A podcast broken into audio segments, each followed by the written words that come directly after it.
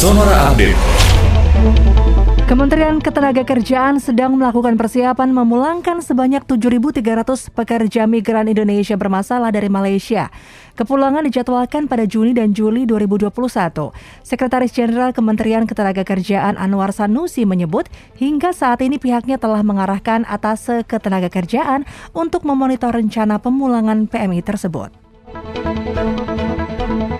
Menteri Pariwisata dan Ekonomi Kreatif Sandiaga Uno berharap gelaran World Superbike 2021 mampu mendorong pemulihan ekonomi dan pariwisata di Indonesia.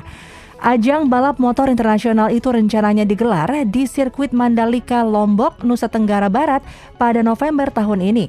Sandiaga mengatakan World Superbike merupakan ajang pendahuluan sebelum MotoGP. MotoGP sendiri akan diselenggarakan pada Maret 2022 di lokasi yang sama.